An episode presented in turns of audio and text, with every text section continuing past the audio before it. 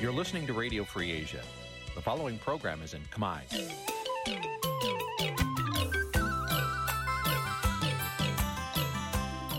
នេះជាកម្មវិធីផ្សាយ Vuthu Azizi Serai នេះជាកម្មវិធីផ្សាយរបស់ Vuthu Azizi Serai ជាភាសាខ្មែរ Vuthu Azizi Serai សូមស្វាគមន៍លោកអ្នកនាងទាំងអស់ពីរដ្ឋធានី Washington នៃសហរដ្ឋអាមេរិកចាប់ផ្សាយផ្ទាល់ពីរដ្ឋធានី Washington នាងខ្ញុំសុកជីវីសូមជម្រាបសួរលោកអ្នកនាងកញ្ញាដែលកំពុងតាមដានការផ្សាយរបស់ Vuthu Azizi Serai ទាំងអស់ជាទីមេត្រីយើងខ្ញុំសូមជូនកម្មវិធីផ្សាយសម្រាប់យប់ថ្ងៃអាទិត្យ13រោចខែផលគុណឆ្នាំខាលចត្វាស័កពុរសករាជ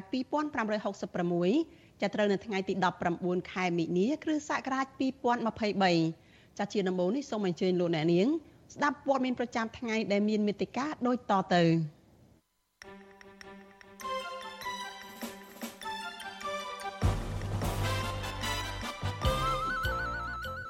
លោកហ៊ុនសែនមិនគាំទ្រដីកាតាមចាប់ខ្លួនមេដឹកនាំរុស្ស៊ីលោក Vladimir Putin របស់តុលាការព្រហ្មទណ្ឌអន្តរជាតិ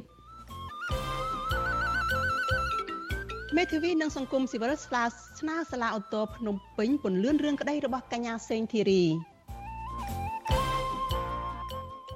អ្នកសង្កេតខាត់អ្នកសង្កេតការថាប្រជាជាតិខ្មែរនឹងរងគ្រោះខ្លាំងពីការដកហូតប្រព័ន្ធអនុគ្រោះពន្ធ EBA បន្ថែមទៀតពីសហភាពអឺរ៉ុប សង្គមស៊ីវិលរិះគន់ប្រធានសាលាឧទ្ធរភ្នំពេញលោកសេងស៊ីវថាដែលពន្យាពេលចូលនិវត្តន៍មួយឆ្នាំរួមនឹងព័ត៌មានសំខាន់សំខាន់មួយចំនួនទៀតចាត់ជាបន្តទៅទៀតនេះនាងខ្ញុំសុជីវីសូមជូនព័ត៌មានទៅនេះពិស្ដាចលនានាងជាទីមេត្រីលោកយុអមត្រីហ៊ុនសែនលើកឡើងថាតុលាការអ ுக ្រិតកម្មអន្តរជាតិគឺ ICC មិនអាចមានអំណាចគ្រប់គ្រាន់នៅក្នុងការតាមចាប់ខ្លួនជនសង្ស័យណាម្នាក់ឡើយប្រសិនបើប្រទេសសម័យមិនសហការ ខណៈដែលលោកហាក់មិនគាំទ្រការចេញដីការបស់តុលាការនេះដើម្បីចាប់ខ្លួនមេដឹកនាំរុស្ស៊ីចាអ្នកវិភាគយល់ឃើញថាតុលាការនេះនៅតែមានសិទ្ធិអំណាចកាត់ទោសជនណាដែលអនុវត្តខុសច្បាប់អន្តរជាតិនិងជាកិច្ចការដ៏ល្អមួយសម្រាប់មនុស្សជាតិរួមទាំងពលរដ្ឋកម្ពុជាចាលោកនាងនៅបានស្ដាប់សេចក្តីរាយការណ៍នេះនៅក្នុងការផ្សាយរបស់យើងនៅពេលបន្តិចទៀតនេះ ចលនានាងជាទីមេត្រីចាងាកមកព័ត៌មានតកតននឹងក្តីបារម្ភពីការដកហូតប្រព័ន្ធអនុគ្រោះពន្ធ EBA របស់សហភាពអឺរ៉ុបឯនេះវិញចាស់នៅពេលដែលសហភាពអឺរ៉ុបប្រមានពីការដកហូតប្រព័ន្ធអនុគ្រោះពន្ធ EBA បន្ថែមទៀតពីកម្ពុជានោះរដ្ឋាភិបាលកម្ពុជាមិនត្រឹមតែមិនបង្ហាញជំហរស្វែងរកការចរចាទេគឺថែមទាំងវាយបកខ្លាំងខ្លាំងទៅទៅវិញថែមទៀតផងចាករណីនេះនាំឲ្យអ្នកធ្វើការងារនៅក្នុងវិស័យពាក់ព័ន្ធព្រួយបារម្ភថាការប្រមានកាត់ប្រព័ន្ធអនុគ្រោះពន្ធបន្ថែមទៀតនេះនឹងកើតឡើង ហើយក៏នឹងធ្វើឲ្យប៉ះពាល់កាន់តែខ្លាំងទៅដល់ប្រជាពលរដ្ឋនិងជាតិខ្មែរទាំងមូលបន្ថែមទៀតចាលោកសនចន្ទថាមានសេចក្តីរាយការណ៍អំពីរឿងនេះអ្នកនយោបាយអ្នកវិភាគនឹងមានដំណំសហជីពព្រួយបារម្ភដោយដូចគ្នាថាប្រសិនបើសហភាពអឺរ៉ុបកាត់ប្រព័ន្ធអនុគ្រោះពន្ធ EBA បន្ថែមទៀតនឹងធ្វើជីវភាពពលរដ្ឋកាន់តែរងផលប៉ះពាល់ខ្លាំងហើយនឹងការមានវិបត្តិផ្សេងៗទៀតនៅក្នុងសង្គមកាលពីថ្ងៃទី16ខែមីនាសហភាពអឺរ៉ុបបានអនុម័តជាផ្លូវការនៅសេចក្តីសម្រេចថ្មីមួយដែលមាន7ចំណុចធំធំ ចំណុចសំខាន់មួយនៃសេចក្តីសម្រេចនេះគឺប្រមានដកហូតប្រព័ន្ធអនុគ្រោះពន្ធក្រុមមុខទំនិញទាំងអស់លើកលែងតែអាវុធបន្ថែមពីកម្ពុជាប្រសិនបើការបោះឆ្នោតជ្រើសតាំងតំណាងរាស្ត្រខែកក្កដាឆ្នាំនេះធ្វើឡើងមិនស្របតាមស្តង់ដារអន្តរជាតិឬក៏ប្រសិនបើរដ្ឋាភិបាលកម្ពុជានៅតែកើតមានការរំលោភសិទ្ធិមនុស្សបន្តទៀតទន្ទឹមនឹងការចេញសារព្រមានពីសហភាពអឺរ៉ុបនេះកម្ពុជាមិនបានបន្ទន់អរិយាប័ត្រដើម្បីចរចាទេគឺមានតែការវិបកបន្ថែមវិញនៅថ្ងៃទី16ខែមីនាលោកហ៊ុនសែន បញ្ជាក់ថាអឺរ៉ុបកាត់ប្រព័ន្ធអនុគ្រពន្ធមិនប៉ះពាល់ដល់សេដ្ឋកិច្ចកម្ពុជា ដែលកំពុងបន្តរីកចម្រើននោះទេលោកហ៊ុនសែនក៏បានបញ្ចេញសារសម្លេងខ្លាំងៗវិបកបណ្ដាប្រទេសលោកសេរីរួមទាំងសហភាពអឺរ៉ុបនិងអាមេរិកដែលបានជួបសួរសុតលកម្មសខាក្នុងពេលកន្លងនោះថាជាយុទ្ធនាការបង្ខូចឈ្មោះកម្ពុជាហើយក៏ជាផ្នែកមួយធ្វើឲ្យលោកកម្មសខាជាប់ទោសកាន់តែធ្ងន់នៅថ្ងៃទី17ខែមីនាអ្នកនាំពាក្យគណៈកម្មាធិការសិទ្ធិមនុស្សរបស់កម្ពុជាលោកកតាអូនប្រាប់វិទ្យុអេស៊ីសរ៉ៃថាកម្ពុជាមិនខ្វល់ពីការប្រមានរបស់អឺរ៉ុបទេ ដោយសារកម្ពុជាកំពុងតែអនុវត្តត្រឹមត្រូវតាមផ្លូវច្បាប់ហើយគោរពគោលការណ៍សិទ្ធិមនុស្សម្យ៉ាងទៀតសេដ្ឋកិច្ចកម្ពុជាកំពុងតែរីកចម្រើនបើពិនិត្យមើលប្រតិកម្មរបស់សហភាពអឺរ៉ុបនិងអេរយាប័តរបស់រដ្ឋាភិបាលកម្ពុជាគឺដំណើរការការប្រព័ន្ធអក្រពន្ធនឹងកាត់មានជាមិនផុតទេនៅក្នុងវេទិកាអ្នកស្ដាប់វិទ្យុអស៊ីសេរីនៅថ្ងៃទី17មីនាប្រធានសហភាពការងារកម្ពុជាលោកអាត់ធុនមានប្រសាសន៍ថាបច្ចុប្បន្នកម្មករដែលបាត់បង់ការងារធ្វើកំពុងប្រឹងប្រែងរកការងារថ្មី ហើយមួយចំនួនទៀតបានវិលទៅស្រុកកំណើតតែមិនមានប្រាក់ចំណូលលោកបារម្ភថាកម្មករកំពុងជួបការលំបាកខ្លាំងទាំងតម្រូវការលុយចំណាយលើជីវភាពប្រចាំថ្ងៃនិងលុយសងធនាគារការហូបចុកតម្រូវការសង្គមនិងការបង់ទៅលើមីក្រូរ៉ាញ់ថោឬក៏ធនាគារផ្សេងៗនេះគឺជាកាតព្វកិច្ចដែលគាត់តែមិនអាចមិនធ្វើបានទេបើពុំដូច្នោះគាត់អាចនឹងគេត្រូវរកអស់ទ្រព្យសម្បត្តិឬក៏សម្ភារៈផ្សេងៗទៀតច្រើនណារបាយការណ៍ក្រសួងការងារបង្ហាញថាចុងឆ្នាំ2022 រោងចក្រជាង490បានបិទទ្វារប៉ះពាល់ដល់កម្មករជាង50000នាក់ចំណែកនៅដើមខែមីនាឆ្នាំ2023រោងចក្រ71បន្ថែមទៀតបានបិទទ្វារប៉ះពាល់ដល់កម្មករជាង32000នាក់អ្នកនាំពាក្យគណៈបកភ្លើងទៀនលោកកឹមសុភិរិទ្ធមានប្រសាសន៍ថាគណៈបកភ្លើងទៀនព្រួយបារម្ភបើសហភាពអឺរ៉ុបដកហូតប្រព័ន្ធអង្គរពន្ធ EBA បន្ថែមទៀតនឹងធ្វើជាភាពរបស់បរដ្ឋប៉ះពាល់កាន់តែខ្លាំងលោកជំរុញរដ្ឋាភិបាលស្ដារប្រជាធិបតេយ្យឡើងវិញដើម្បីផលប្រយោជន៍ជាតិនិងប្រជាពលរដ្ឋ ឥឡូវបើយើងពីកាត់ EBA ហើយវាត្រូវបាត់ការងារយ៉ាងតិចទេខ្ញុំថាយ៉ាងតិច50លើម៉ឺននាក់ហើយរង្វង់ឡើងរហូតដល់ជិតម៉ែលានព្រោះប៉ះពាល់ទៅក្រុមគ្រួសាររបស់គាត់ទៀតអញ្ចឹងជីវភាពរបស់គាត់នឹងត្រូវធ្ងន់ធ្ងរទៅមកកម្រិតទៀតហើយអញ្ចឹងសូមឲ្យរដ្ឋាភិបាលទៅទៅទូជាគណៈបព្វជិនទៅទៅទូថាសូមឲ្យរដ្ឋាភិបាលមានការពិចារណាហើយគិតគូរទៅដល់ផលប្រយោជន៍កម្មករនិងប្រជាពលរដ្ឋប្រធានគណៈបកបំណងបរដ្ឋលោកអ៊ិតសរម មានប្រសាសន៍ថាអ្នកនយោបាយខ្មែរដល់ពេលដែលត្រូវការជជែកគ្នាដោយរំកល់ផលប្រយោជន៍ជាតិជាធំជាជាងការប្រើអំណាចធ្វើបាបគ្នាដោយបំពេញច្បាប់លោកអ៊ិតសរមចាត់ទុកការកាត់ទោលកម្មសខាជាករណីជាក់ស្ដែងមួយចុងក្រោយដែលសហគមន៍ជាតិអន្តរជាតិមើលឃើញថាជាទង្វើអយុត្តិធម៌ទុនទិននឹងការជំរុញដល់អ្នកនយោបាយមានឥទ្ធិពលទៅនេះលោកអ៊ិតសរមក៏ជំរុញឲ្យប្រជាចូលរួមសកម្មភាពដើម្បីប្រជាធិបតេយ្យនិងយុត្តិធម៌សង្គម ក្នុងការភ័យខ្លាចការអីក៏ដោយចង់ឲ្យប្រជាពលរដ្ឋស្រឡាញ់នឹងយុត្តិធម៌ឲ្យចេះមើលឃើញនៃទង្វើទាំងឡាយដែលថាត្រឹមត្រូវឬក៏មិនត្រឹមត្រូវទង្វើណាការរំលោភបំពានទោះយើងមិនអាចសម្ដែងខន្តិស្របតាមគោលការណ៍ប្រជាធិបតេយ្យដែលពលរដ្ឋជាម្ចាស់ប្រទេសក្នុងការទាមទារសិទ្ធិសេរីភាពមួយចំនួនការធ្វើបាតកម្មការធ្វើអីមែនប៉ុន្តែរាល់យើងមានតែឱកាសមួយគត់ដែលយើងអាចថាមានតែសង្ឃឹមតូចមួយគឺការបោះឆ្នោត សហភាពអឺរ៉ុបការប្រព័ន្ធអក្សរពន្ធ EBA លើកទី1ពីកម្ពុជា កាលពីខែសីហាឆ្នាំ2020 20%បណ្ដាប៉ះពាល់ដល់កម្មករប្រមាណ70ម៉ឺននាក់ដោយផ្ទាល់ហើយប៉ះពាល់ដល់ប្រជាពលរដ្ឋដល់ប្រយោលប្រមាណ3លាននាក់ជាមធ្យម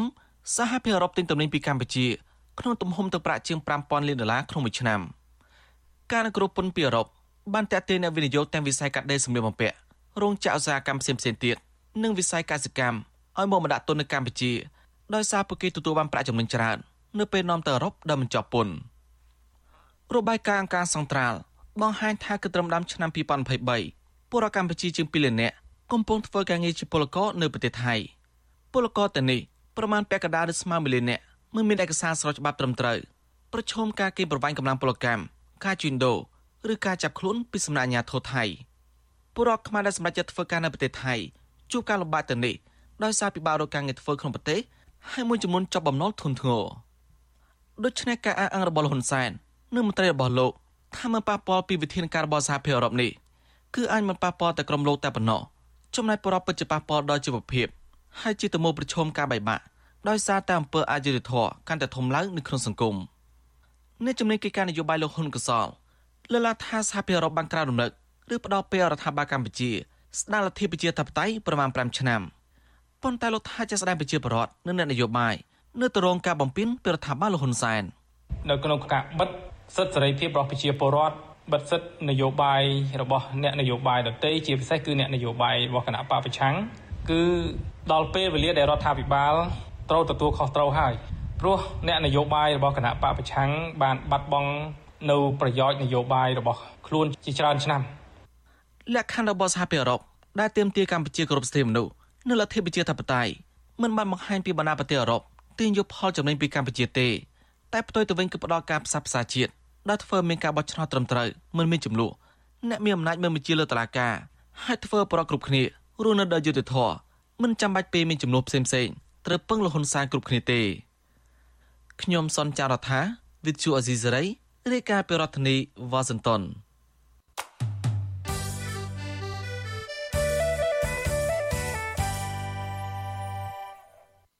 ចាស់នៅថ្ងៃនេះយើងមកស្វែងយល់ពីការបោះឆ្នោតដោយសេរី និងសម្ងាត់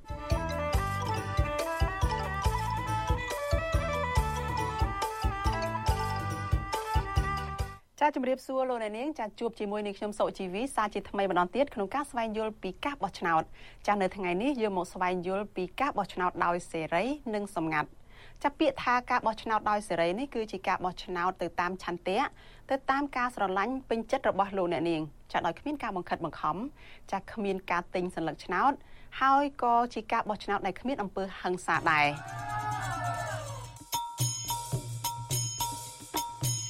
ចាជាមួយគ្នានេះលោកអ្នកនាងក៏អាចទទួលបានព័ត៌មានពីការបោះឆ្នោតនិងព័ត៌មានដទៃផ្សេងទៀតចាបានដោយសេរីនិងមានតម្លាភាព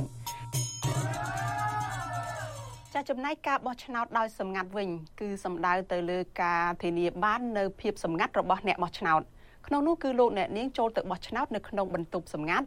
ហើយលោកអ្នកនាងបិទសัญลักษณ์ឆ្នោតរបស់លោកអ្នកនាងនោះបិទចិត្តទម្លាក់ទៅក្នុងហឹបឆ្នោតចាគឺនៅលាយឡំគ្នាជាមួយនឹងសัญลักษณ์ឆ្នោតដតីទៀតដែលដូចដូចគ្នាគឺมันអាចសម្គាល់បានថាលោកអ្នកនាងបោះឆ្នោតឲ្យគណៈបកណាមួយឡើយចាលើពីនេះទៅទៀតចាលោកអ្នកនាងមានសេរីភាពពេញលេញចាមិនអាចនរណាម្នាក់មកបង្ខំលោកអ្នកនាងឲ្យប្រាប់ថាបោះឆ្នោតឲ្យនរណាឡើយ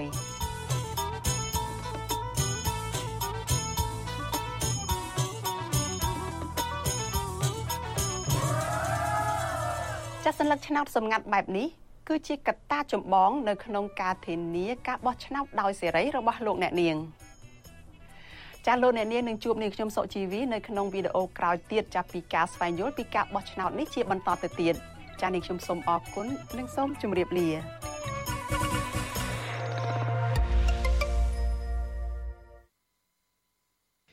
ចាលោកនាងកញ្ញាប្រិយមិត្តជាទីមេត្រីចាលោកអ្នកកំពុងតែតាមដានការផ្សាយរបស់វិទ្យុអាស៊ីសេរីចាប់ផ្សាយចេញពីរដ្ឋធានី Washington សហរដ្ឋអាមេរិកចាព័ត៌មានជាបន្តទៅទៀតនេះចាគឺតាក់ទងទៅនឹងការដែលលោកហ៊ុនសែនមិនគាំទ្រដីការបស់តុលាការ ICC ចាដើម្បីតាមចាប់ខ្លួនមេដឹកនាំរុស្ស៊ី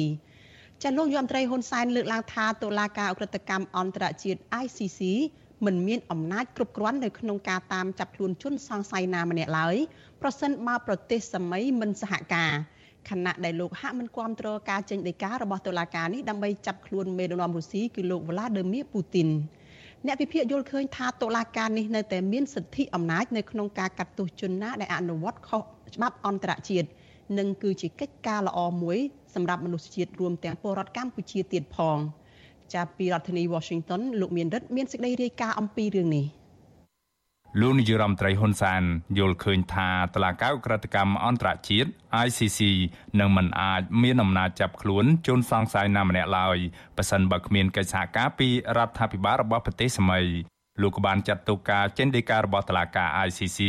ដើម្បីចាប់ខ្លួនប្រធានាធិបតីរុស្ស៊ីលោក Vladimir Putin ថានឹងធ្វើឲ្យពិភពលោក កាន់តែបែកបាក់ខណៈលោកទទួលស្គាល់ពីទួនាទីពិភពលោកថា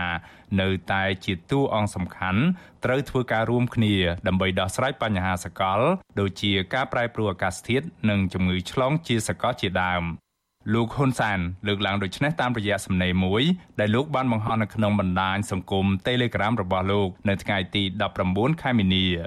មេដឹកនាំឯកបៈរុងនេះបន្តថាការចេញដីការបស់តុលាការ ICC នៅពេលនេះនឹងធ្វើឲ្យមានភាពស្មុគស្មាញដល់ដំណើរការស្វែងរកសន្តិភាពសម្រាប់បញ្ចប់សង្គ្រាមនៅអ៊ុយក្រែនជាពិសេសមុនពេលដែលប្រធានាធិបតីចិន លោកស៊ីជីនពីងទៅបំពេញទស្សនកិច្ចនៅរុស្ស៊ី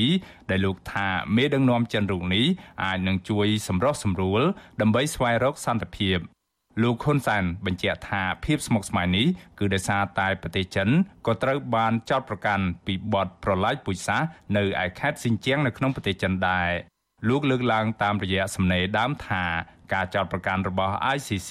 លើលោកប្រធានាធិបតីពូទីននេះគឺជាការវិវត្តផ្នែកនយោបាយមួយគួរឲ្យភ្ញាក់ផ្អើលដោយមានផលប៉ះពាល់ទៅលើភូមិសាស្ត្រនយោបាយយ៉ាងទូលំទូលាយនៅក្នុងទ្វីបអឺរ៉ុបនិងនៅលើពិភពលោកហើយរឿងនេះមិនមែនជារឿងឧក្រិដ្ឋកម្មសង្គ្រាមនោះទេ លោកហ៊ុនសែនបន្តទៀតថាពិភពលោកត្រូវប្រុងប្រយ័ត្នសង្គ្រាមនុយក្លេអ៊ែរដែលលោកទូទាយថាច្បាស់ណាស់សង្គ្រាមនុយក្លេអ៊ែរនឹងផ្ទុះឡើងប៉ះសិនបើមេដឹកនាំរុស្ស៊ីលោក Vladimir Putin ត្រូវបានចាប់ខ្លួននៅក្រៅទឹកដីរបស់ប្រទេសរុស្ស៊ីគណៈការចេញដីកានៅពេលនេះក៏ជាការបញ្ចេញប្រតិកម្មជ្រុលហួសពីសំណាក់ភៀកគីម្ខាងទៀតរួចទៅហើយ កាលពីថ្ងៃទី17ខែមីនាតឡាកាអ ுக ្រិតកម្មអន្តរជាតិ ICC បានចេញដីកាចាប់ខ្លួនប្រធានាធិបតីរុស្ស៊ីលោក Vladimir Putin ពីបទអ ுக ្រិតកម្មសង្គ្រាមដោយសារតែមានការចោទប្រកាន់ថាលោកជាប់ពាក់ព័ន្ធក្នុងការចាប់ពង្រត់កុមារពីអ៊ុយក្រែន នេះគឺជាលើកទី1ហើយដែលតុលាការក្រិតកម្មអន្តរជាតិ ICC បានចេញដីកាប្រឆាំងនឹងសមាជិកអចិន្ត្រៃយ៍មួយក្នុងចំណោមសមាជិកអចិន្ត្រៃយ៍ទាំង5នៃក្រុមប្រឹក្សាសន្តិសុខអង្គការសហប្រជាជាតិទោះជាយ៉ាងណាប្រទេសរុស្ស៊ីមិនមែនជាសមាជិកនៃលក្ខន្តិកៈទីក្រុងរ៉ូមស្ដីពីតុលាការក្រិតកម្មអន្តរជាតិ ICC នោះឡើយ ជុំវិញរឿងនេះអ្នកជំនាញផ្នែកវិទ្យាសាស្ត្រនយោបាយលោកអែមសវណ្ណារាយល់ឃើញថាការលើកឡើងរបស់លោកហ៊ុនសែនជាទស្សនៈមួយដើម្បីជំរុញឲ្យមានការចរចាឬរកមធ្យោបាយដើម្បីជជែកគ្នាឡើងវិញរវាងរុស្ស៊ីនិងអ៊ុយក្រែនឈានទៅបញ្ចប់សង្គ្រាមដែលបានអូសបន្លាយអស់រយៈពេលជាង1ឆ្នាំមកនេះក៏ប៉ុន្តែលោកបន្តថាតឡាការក្រិតកម្មអន្តរជាតិ ICC នៅតែដើរតួនាទីជាបទដ្ឋានអន្តរជាតិដើម្បីដាក់ទោសជនទាំងឡាយណា ដែលប្រព្រឹត្តខុសគោលការណ៍ច្បាប់ប្រឆាំងនឹងមនុស្សជាតិឬការប្រឡាយពូជសាសន៍និងជាវិធានការមួយ ដែលនៅតែមានការទទួលស្គាល់ពីអន្តរជាតិហើយបណ្ដាប្រទេសជាសមាជិកអង្គការសហប្រជាជាតិរួមទាំងកម្ពុជាផងត្រូវតែគោរព វាជាយន្តការមួយបញ្ញត្តិស្មារតីគ្រប់អ្នកដឹកនាំទាំងអស់រួមទាំងកម្ពុជានឹងឲ្យប្រយ័ត្នឬក៏អនុវត្តទៅតាមគោលការណ៍ច្បាប់កុំឲ្យអាងទៅលើគោលការណ៍អំណាចរបស់ខ្លួនណានេះជាកិច្ចការមួយល្អសម្រាប់មនុស្សជាតិដែលក៏លោករួមទាំងពលរដ្ឋកម្ពុជាផងដែរបាទតឡាការព្រហ្មទណ្ឌអន្តរជាតិ ICC មានប្រទេសចំនួន123ជារដ្ឋភាគីនៃលក្ខន្តិកៈទីក្រុងរ៉ូមបង្កើតតឡាការព្រហ្មទណ្ឌអន្តរជាតិនេះ កម្ពុជាបានចុះហត្ថលេខាលើលក្ខន្តិកៈទីក្រុងរ៉ូមនៅថ្ងៃទី23ខែតុលាឆ្នាំ2000និងបានដាក់តម្កល់ឯកសារស្តីពីការផ្ដល់សច្ចាប័នលើលក្ខន្តិកៈទីក្រុងរ៉ូមនេះនៅថ្ងៃទី11ខែមេសាឆ្នាំ2002តឡាការព្រហ្មទណ្ឌអន្តរជាតិជាតឡាការអចិន្ត្រៃយ៍អន្តរជាតិដែលមានសមត្ថកិច្ចស៊ើបអង្កេតនិងផ្ដន់ទាទោសអ្នកទាំងឡាយណាដែលជាប់ចោទពីបទប្រព្រឹត្តឧក្រិដ្ឋកម្មធ្ងន់ធ្ងររួមមានឧក្រិដ្ឋកម្មប្រឆាំងមនុស្សជាតិជាដើម កន្លងមកកាលពីឆ្នាំ2014ក្រុមអ្នកច្បាប់អន្តរជាតិបានដាក់បណ្ដឹងប្រឆាំងទៅនឹងលោកហ៊ុនសែននិងរដ្ឋាភិបាលរបស់លោកទៅតុលាការក្រិតកម្មអន្តរជាតិ ICC នេះពីបទឧក្រិដ្ឋកម្មប្រឆាំងមនុស្សជាតិពាក់ព័ន្ធនឹងការរំលោភបំពានដីធ្លី និងសិទ្ធិមនុស្សផ្សេងៗនៅកម្ពុជា ក្រោយពីមានការប្រមូលភស្តុតាងអស់ជាច្រើនឆ្នាំរួមទាំងការប្រមានដាក់បណ្ដឹងបន្ថែមទៀតពាក់ព័ន្ធទៅនឹងការគំរាមកំហែងរបស់លោកហ៊ុនសែនជាបន្តបន្ទាប់ក្នុងការបញ្ជាឲ្យកងកម្លាំងសមត្ថកិច្ចបាញ់សម្លាប់ជនស៊ីវិលដែលគាំទ្រគណៈបពប្រឆាំងរួមទាំងការធ្វើទុកបុកម្នេញលើអ្នកនយោបាយក្រមសង្គមស៊ីវិលនិងអ្នកសារព័ត៌មានជាដើមក៏ប៉ុន្តែគិតរហូតមកទល់ពេលនេះនៅមិនទាន់មានចំណាត់ការជាក់លាក់ណាមួយទៅលើបណ្ដឹងទាំងនេះនៅឡើយទេ កន្លងមកគណៈបពប្រឆាំងនិងក្រុមអ្នកឃ្លាំមើលលើកឡើងថាដោយសារតែលោកហ៊ុនសែនគឺជាមេខ្លោងនៃអង្គើក្រិតកម្មជាច្រើននៅកម្ពុជាទើបបានជាលោកព្យាយាមប្រើគ្រប់មធ្យោបាយដើម្បីក្រាញអំណាចនិងរៀបចំផែនការផ្ទេរអំណាចបន្តវេនឲ្យកូនប្រុសច្បងរបស់លោកគឺលោកហ៊ុនម៉ាណែតដើម្បីជួយធានានីតិរដ្ឋភាពឬការប្រឈមមុខនឹងតុលាការឯករាជ្យណាមួយ ដែលអាចកាត់ទោសលោកពីបទឧក្រិដ្ឋជាច្រើន នៅពេលដែលលោកលែងកាន់អំណាច ខ្ញុំបាទមេរិត Visual C ស្រីពីរដ្ឋធានី Washington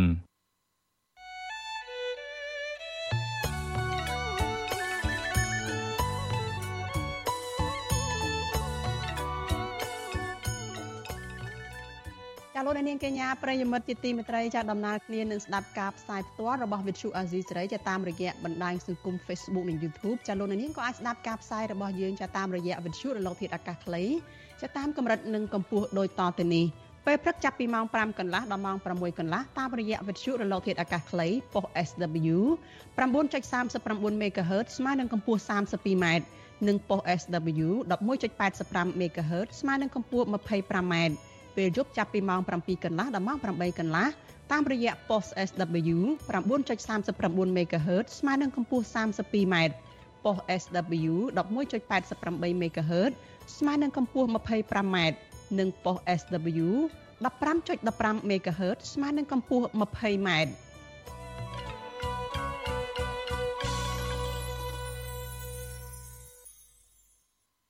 ចចាលោកនាងកញ្ញាប្រិយមិត្តជាទីមេត្រីចាលោកអ្នកនាងប្រហែលជាមិនទាន់ភ្លេចទេចាគឺសំណុំរឿងមួយរបស់អ្នកការពារសិទ្ធិមនុស្សនិងជាអ្នកគាំទ្រគណៈបកសង្គ្រោះជាតិគឺកញ្ញាសេងធីរីចាដែល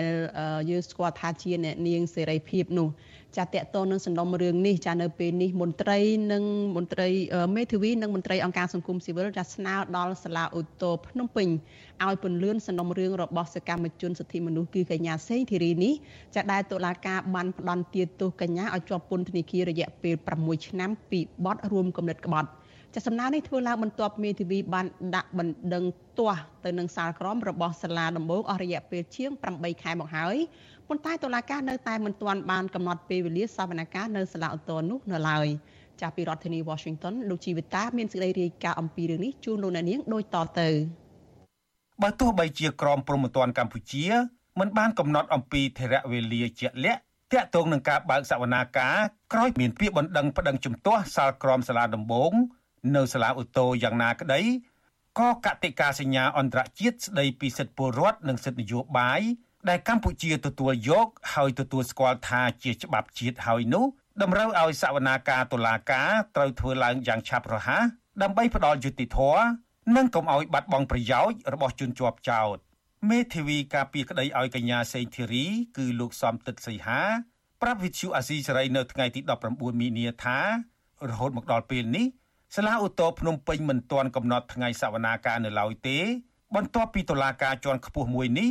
បានចុះបញ្ជីសំណុំរឿងកញ្ញាសេងធីរី តាំងពីខែកក្កដាឆ្នាំ2022មកម្លេះលោកបន្តថាលោកនឹងទៅជួបពិភាក្សាជាមួយកូនក្តីរបស់លោកនៅពន្ធនាគារខេត្តព្រះវិហារជុំវិញការដាក់ពាក្យស្នើសុំឲ្យសាលាឧទ្ធរពន្លឿននីតិវិធីនៅពេលឆាប់ៗខាងមុខនេះ។ នីតិវិធីនៅសាលាឧទ្ធររហូតមកដល់ពេលនេះគឺអត់ទាន់មានហៅថាមានដំណើរការទៅនឹងសវនាការគឺអត់ទាន់មាននៅឡើយទេហើយមេធាវីក៏នៅនឹងទ្រូមួយផ្សេងធារីដែរគាត់ថាប្រសិនបើមានករណីធ្វើកិច្ចផ្សេងៗរបស់សាលាឧទ្ធរទាំងស្នើសុំឲ្យខាងឧទ្ធរហ្នឹងគឺជួយផ្ដល់ភាពឆ្ងាយដីកាទៅឲ្យគាត់ដើម្បីគាត់បានចូលរួមទាន់ពេលវេលាទៅនឹងទាក់ទងទៅនឹងកិច្ចវិធីរបស់សាលាឧទ្ធរនេះផងលោកសំទឹកសីហាឲ្យដឹងថាថ្មីថ្មីនេះ លោកបានទៅជួបកញ្ញាសេងធារីនៅពន្ធនាគារដោយកូនក្តីរបស់លោកមានសុខភាពល្អធម្មតាប៉ុន្តែកញ្ញានៅតែស្នើដល់អគ្គនាយកដ្ឋានពន្ធនាគារនៃក្រសួងមហាផ្ទៃឲ្យផ្ទេរកញ្ញាមកកាន់ពន្ធនាគារព្រៃសរនៅទីក្រុងភ្នំពេញវិញប្រធានសមាគមការពារសិទ្ធិមនុស្សអាត6លោកនីសុខាមានប្រសាសន៍ថាការអូសបន្លាយសំណុំរឿងមួយនេះអាចប៉ះពាល់ដល់សិទ្ធិរបស់កញ្ញាសេងធីរី ហើយសាលាឧទ្ធរភ្នំពេញគួ រពិចារណាលើកយករឿងក្តីក្តាមនេះមកជំនុំជម្រះឲ្យបានឆាប់លោកនីសុខាក៏សម្គាល់ឃើញថាអញ្ញាធននៅតែរឹតបន្តឹងដោយមិនអនុញ្ញាតឲ្យអង្គការសង្គមស៊ីវិលនិងមិត្តភ័ក្តិចូលជួបសួរសុខទុក្ខកញ្ញាសេងធីរីនៅឡើយទេ បើទោះបីលោកបានដាក់ពាក្យស្នើសុំអញ្ញាធរយ៉ាងណាក្តី សំណុំរឿងបែបហ្នឹងសិនបើតឡាការមិនមានភាពចាំបាច់ណាមួយក្នុងការបន្តការស៊ើបអង្កេតតទៅទៀតគឺថាយើងមិនត្រូវឃុំអ្នកដែលជាប់ឃុំនឹងដើម្បីគ្រាន់តែរងចាំសវនាការប៉ុណ្ណឹងទេគឺថា ការឃុំខ្លួនអ្នកជាប់ឃុំវាត្រូវតែឃុំខ្លួនដើម្បីធ្វើការស៊ើបអង្កេតប្រមូលភស្តុតាងប្រម៉ែប្រមូលព័ត៌មានអីបានសពជុំជ្រួយមិនមែនគ្រាន់តែឃុំដើម្បីរងចាំពេលវេលាត្រឹមតែសវនាការនឹងទេអញ្ចឹងយើងឃើញថាការអូបន្លាយពេលវេលានេះវាហាក់បីដូចជាមានរយៈពេលយូរហើយដែរដូច្នេះទោះបីថានីតិវិធីមិនមានកំណត់នៃការកាត់សេចក្តីក៏ដោយប៉ុន្តែសិទ្ធិទទួលបានយុត្តិធម៌របស់ជនជាប់ចោតបើសិនជាយើងឃុំខ្លួនយូរវាអាចធ្វើឲ្យប៉ះពាល់ដល់សិទ្ធិទទួលបានយុត្តិធម៌បាទ សមត្ថកិច្ចក្រុងភ្នំពេញបានចាប់ខ្លួនកញ្ញាសេងធារី កាលពីថ្ងៃទី14មិថុនាឆ្នាំ2022នៅខាងមុខតុលាការក្រុងភ្នំពេញក្រោយពីតុលាការប្រកាសសាលក្រមកាត់ទោសឲ្យកញ្ញាជាប់ពន្ធនាគារ6ឆ្នាំពីបទរួមគំនិតក្បត់ក្នុងសំណុំរឿងវិលចូលស្រុករបស់លោកសំរាំងស៊ីកាលពីឆ្នាំ2019មួយថ្ងៃបន្ទាប់មកតុលាការបានបញ្ជូនកញ្ញាទៅឃុំខ្លួននៅពន្ធនាគារខេត្តព្រះវិហារ ដែលឆ្ងាយពីរាជធានីភ្នំពេញរហូតមកទល់ពេលបច្ចុប្បន្ននេះវិទ្យុអាស៊ីសេរីមិនអាចតាក់ទងអ្នកនាំពាក្យសាលាឧទ្ធរភ្នំពេញលោកប្លង់សំណាង ដើម្បីសុំការបកស្រាយជុំវិញរឿងនេះបានទេ នៅថ្ងៃទី19មីនាជុំវិញរឿងនេះនាយកទទួលបន្ទុកកិច្ចការទូតនៃអង្គការលីកាដូលោកអំសំអាត លើកឡើងថាកញ្ញាសេងធារីរួមទាំងជនជាប់ឃុំដតីទៀតមានសេរីភាពជួបប្រស័យតាក់ទងជាមួយមិត្តភ័ក្តិនិងសាច់ញាតិ ដោយលើកលែងតែសិទ្ធិសេរីភាពដែលតុលាការដកហូតតែប៉ុណ្ណោះលើសពីនេះមន្ត្រីសិទ្ធិមនុស្សរូបនេះបញ្ជាក់ថាពួកគេក៏មានសិទ្ធិទទួលបានការជំនុំជម្រះពីតុលាការដោយឆាប់រហ័សស្មារភាពនិងយុត្តិធម៌ផងដែរលោកអំសំអាតបញ្ជាក់ទៀតថាសហគមន៍ជាតិនិងអន្តរជាតិនៅតែអំពាវនាវដល់រដ្ឋាភិបាលឲ្យដោះលែងកញ្ញាសេងធីរីសកម្មជននយោបាយនិងមេសហជីព ដោយសារសកម្មភាពរបស់ពួកគេកន្លងមកគឺជាការអនុវត្តសិទ្ធិសេរីភាពជាមូលដ្ឋានរបស់ពលរដ្ឋដែលធានាដោយរដ្ឋធម្មនុញ្ញនិងច្បាប់អន្តរជាតិ ទោះបីជានៅសាលាតោមិនមានកំណត់កាលបរិច្ឆេទដែលត្រូវបើកសវនាការក្នុងរយៈពេលណាក៏ដោយក៏ប៉ុន្តែបើយើងមើលទៅក្នុងរដ្ឋធម្មនុញ្ញក៏ដូចជាបទដ្ឋានអន្តរជាតិផ្សេងផ្សេងដែលពីយុទ្ធធរនោះឬក៏ភាពស្មើគ្នាចំពោះមុខច្បាប់ហ្នឹងគឺគេលើកឡើងថាសវនាការត្រូវធ្វើយ៉ាងម៉េចឲ្យបានលឿនតាមដែលអាចធ្វើទៅបានពីព្រោះគេខ្លាចលោវាប៉ះពាល់ទៅដល់សិទ្ធិនិងភាពទទួលបានយុត្តិធម៌នៃជនជាប់ចោលបាទ សភាអឺរ៉ុបក្នុងសម្លេងដ៏ច្រើនលើសលប់កាលពីថ្ងៃទី16ខែមីនាថ្មីថ្មីនេះបានអនុម័តសេចក្តីសម្រេចថ្មីមួយដែលមាន7ចំណុចធំធំសេចក្តីសម្រេចរបស់ក្រុមតំណាងរាជសភាអឺរ៉ុបក៏បានថ្កោលទោសការកាត់ទោសជាក្រុមក្នុងពេលតែមួយលើក្រុមមន្ត្រីគណៈបកប្រឆាំងការកាត់ទោសកញ្ញាសេងធីរី និងមន្ត្រីជាន់ខ្ពស់គណៈបកភ្លើងទៀនដទៃទៀតនារយៈពេលកន្លងមកនេះសភាអឺរ៉ុបក៏បានអំពាវនាវដល់អាជ្ញាធរកម្ពុជា ឲ្យបញ្ឈប់រាល់គ្រប់ទម្រង់នៃការយាយីការបំផិតបំភ័យនិងត្រូវទម្លាក់ចោលរាល់បទចោលប្រកាន់ប្រឆាំងនឹងសមាជិកបកប្រឆាំងសហជីពអ្នកការពារសិទ្ធិមនុស្សសង្គមស៊ីវិលនិងបើកឲ្យប្រព័ន្ធផ្សព្វផ្សាយឯករាជ្យអាចដំណើរការឡើងវិញខ្ញុំជីវិតាអាស៊ីសេរីកម្មវិធី Vithu Azizi ស្រីសម្រាប់ទូរស័ព្ទដៃអាចឲ្យលោកអ្នកនាងអានអត្ថបទ ទស្សនាវីដេអូ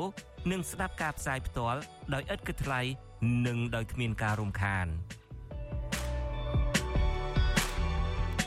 ដើម្បីអាននិងទស្សនាមេតិការថ្មីថ្មីពី Vithu Azisari លោកអ្នកនាងគ្រាន់តែចុចបាល់កម្មវិធីរបស់ Vithu Azisari ដែលបានដំឡើងរួចរាល់លើទូរស័ព្ទដៃរបស់លោកអ្នកនាង ប្រសិនបើលោកអ្នកនាងចង់ស្ដាប់ការផ្សាយផ្ទាល់ឬការផ្សាយចាស់ចាស់សូមចុចលើប៊ូតុងរូបវិទ្យុដែលស្ថិតនៅផ្នែកខាងក្រោមនៃកម្មវិធីជាការស្រេចច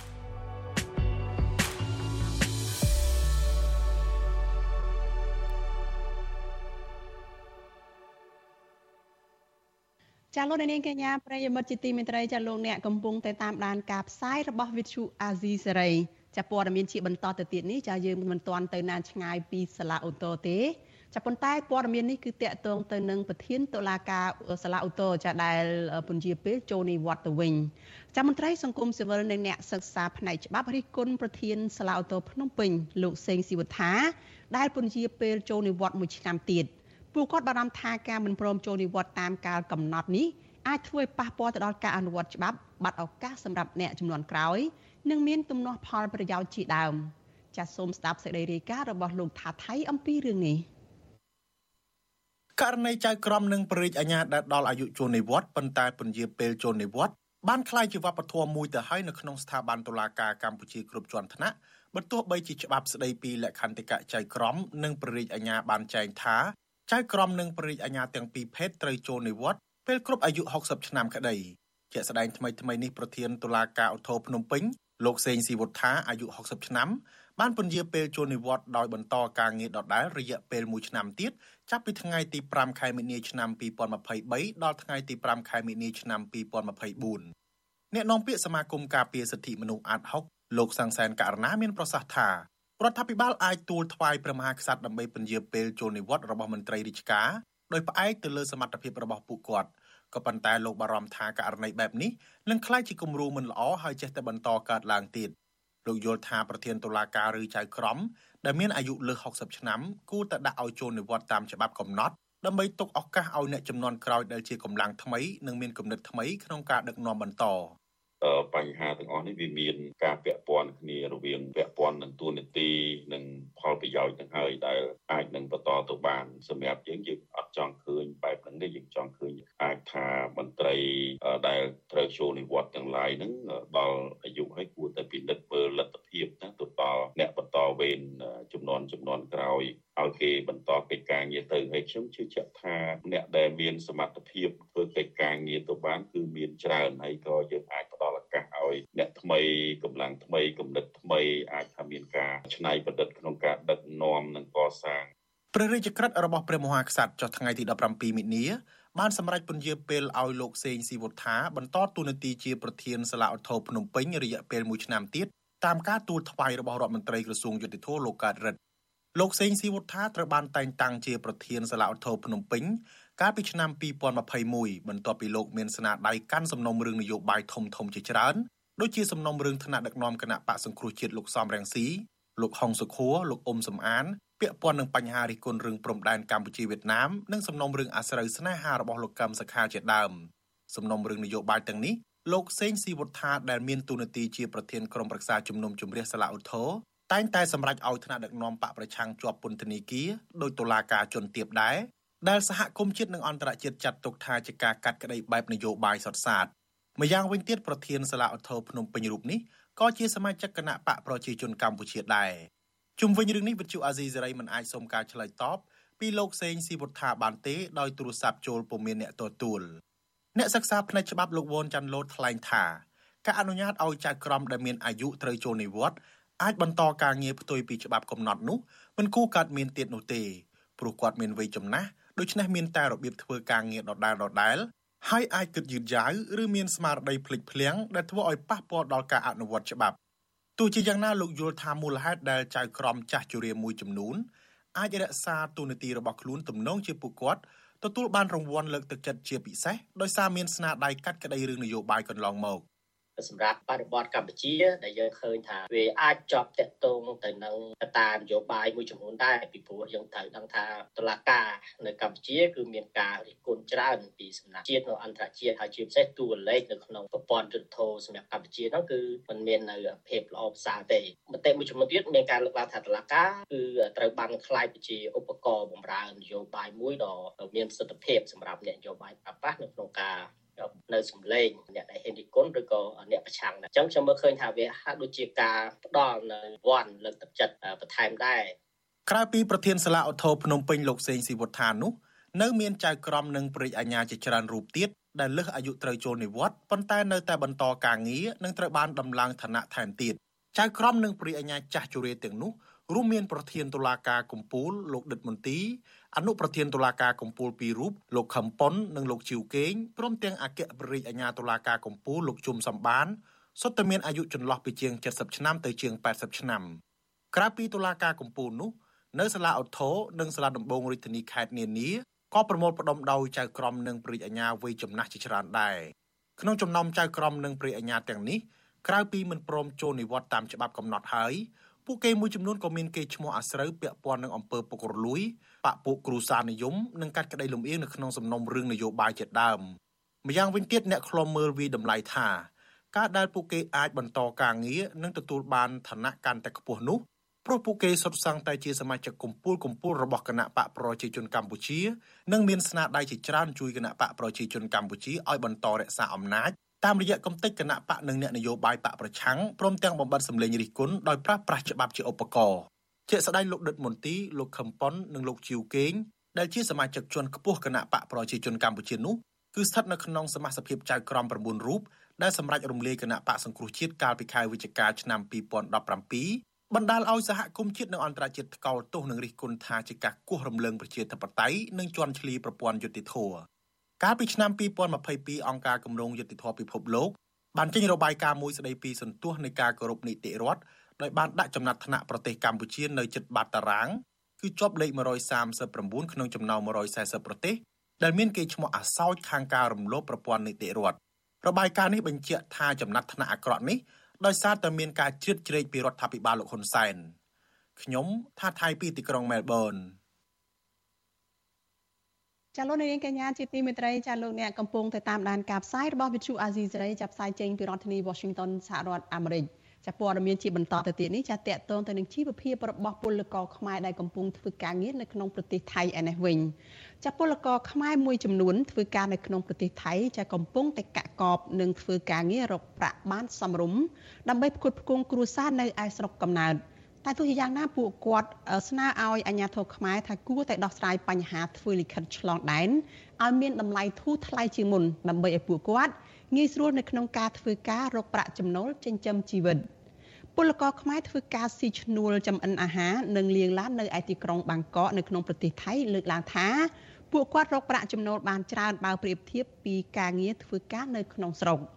តែទោះជាយ៉ាងណាពួកគាត់នៅតែចង់វិលត្រឡប់ទៅស្រុកកំណើតវិញប្រសិនបើនៅស្រុកកំណើតមានការងារធ្វើដែលមានប្រាក់ខែសមរម្យពលករខ្មែរម្នាក់ ស៊ីឈ្នួលលៀងឡាននៅក្នុងប្រទេសថៃអស់រយៈពេលជិត10ឆ្នាំមកហើយលោកវ៉ាត់យឿនលោកវ៉ាត់យឿតលោកប្រាប់វិទ្យុអាស៊ីសេរីនៅថ្ងៃទី19ខែមិនិនាថាលោកធ្វើការនៅប្រទេសថៃជាច្រើនឆ្នាំពុំដែលមានបញ្ហាអ្វីនោះទេដោយសារតែលោកមានឯកសារស្របច្បាប់លោកបន្តថានៅក្នុងមួយខែលោកអាចរកប្រាក់ចំណូលបានពី10000បាតឬក៏ស្មើនឹង300ដុល្លារតែទោះជាយ៉ាងណាលោកបន្តថា លោកនៅតែចង់វិលត្រឡប់ទៅស្រុកខ្មែរវិញប្រសិនបើមានការងារធ្វើមានប្រាក់ខែសមរម្យដោយដែលលោកកំពុងធ្វើការនៅក្នុងប្រទេសថៃនេះ។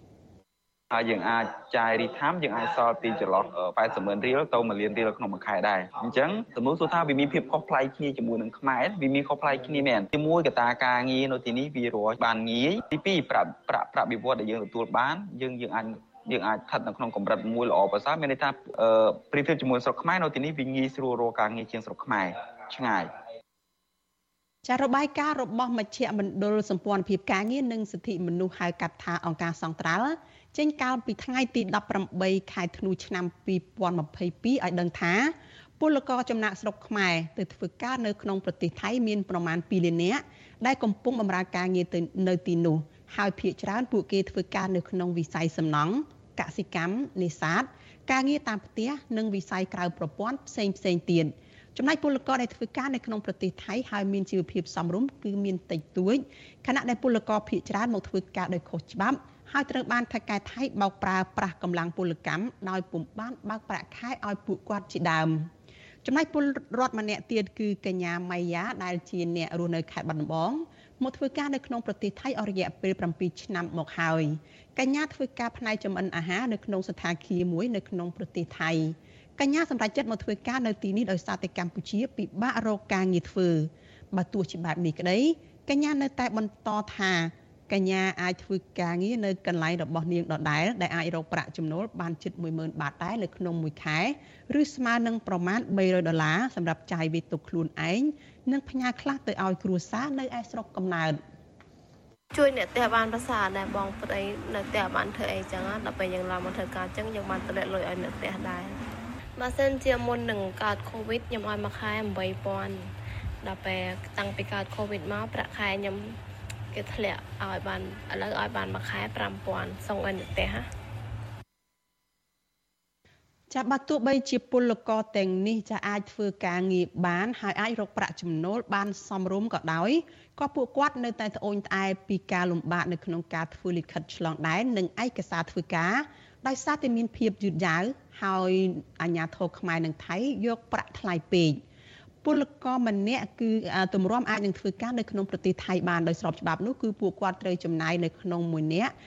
ជាង10000បាតទៅ20000បាតឬស្មើនឹង600ដុល្លារអាមេរិកដូច្នេះបានជាពលករមួយចំនួនបានសម្រេចចិត្តទៅធ្វើការនៅក្នុងប្រទេសថៃនោះទាំងខុសច្បាប់វិទ្យុអាស៊ីសេរីមិនអាចតាក់ទងរដ្ឋលេខាធិការក្រសួងការងារនិងជាអ្នកនាំពាក្យគឺលោកហេងសួរនិងមន្ត្រីស្ថានទូតខ្មែរប្រចាំទីក្រុងបាងកកដើម្បីសូមអត្ថាធិប្បាយជុំវិញបញ្ហានេះបានទេ នៅថ្ងៃទី19ខែមិនិនាចាដោយទូរស័ព្ទហៅចូលប៉ុន្តែពុំមានអ្នកទទួលជុំវិញរឿងនេះមន្ត្រីផ្នែកអន្តោប្រវេសន៍ប្រចាំនៅទីប្រចាំនៅប្រទេសថៃនៃអង្គការសង្ត្រាល់លោកលឹងសុផុនសម្គាល់ថាពលករខ្មែរដែលមកធ្វើការនៅក្នុងប្រទេសថៃផ្នែកអាហារដ្ឋានលក់ដូរនៅផ្សារនិងការងារផ្ទះនេះគឺមានចំនួនតិចតួចត្បិតពួកគាត់អាចរកចំណូលបានល្អជាងអ្នកធ្វើការងារនៅផ្នែកសំណង់ក៏ដោយ ប៉ុន្តែពួកគាត់មួយចំនួននៅតែជួបបញ្ហាប្រឈមដោយសារតែការចាញ់បោកមេខ្យល់និងថៅកែខណៈដែលពួកគាត់មួយចំនួនពុំមានលិខិតឆ្លងដែនត្រឹមត្រូវនៅឡើយដូច្នេះលោកស្នើឲ្យអាជ្ញាធរខ្មែរថាគួរតែយកចិត្តទុកដាក់ដោះស្រាយបញ្ហាជូនប្រជាពលរដ្ឋដែលធ្វើការនៅក្រៅប្រទេសនេះឲ្យបានឆាប់ ដើម្បីឲ្យពួកគាត់អាចមានឯកសារស្របច្បាប់ដែលជាផ្នែកមួយជួយទៅដល់ជីវភាពរស់នៅរបស់ពួកគាត់ឲ្យរឹតតែប្រសើរនៅក្នុងពេលឆាប់ឆាប់ដោយសារតែពួកគាត់មានការងារធ្វើហើយមិនភ័យខ្លាចប៉ូលីសថៃចាប់ខ្លួន បងប្អូនពលករមួយចំនួនពួកគាត់ធ្វើការហើយប៉ុន្តែ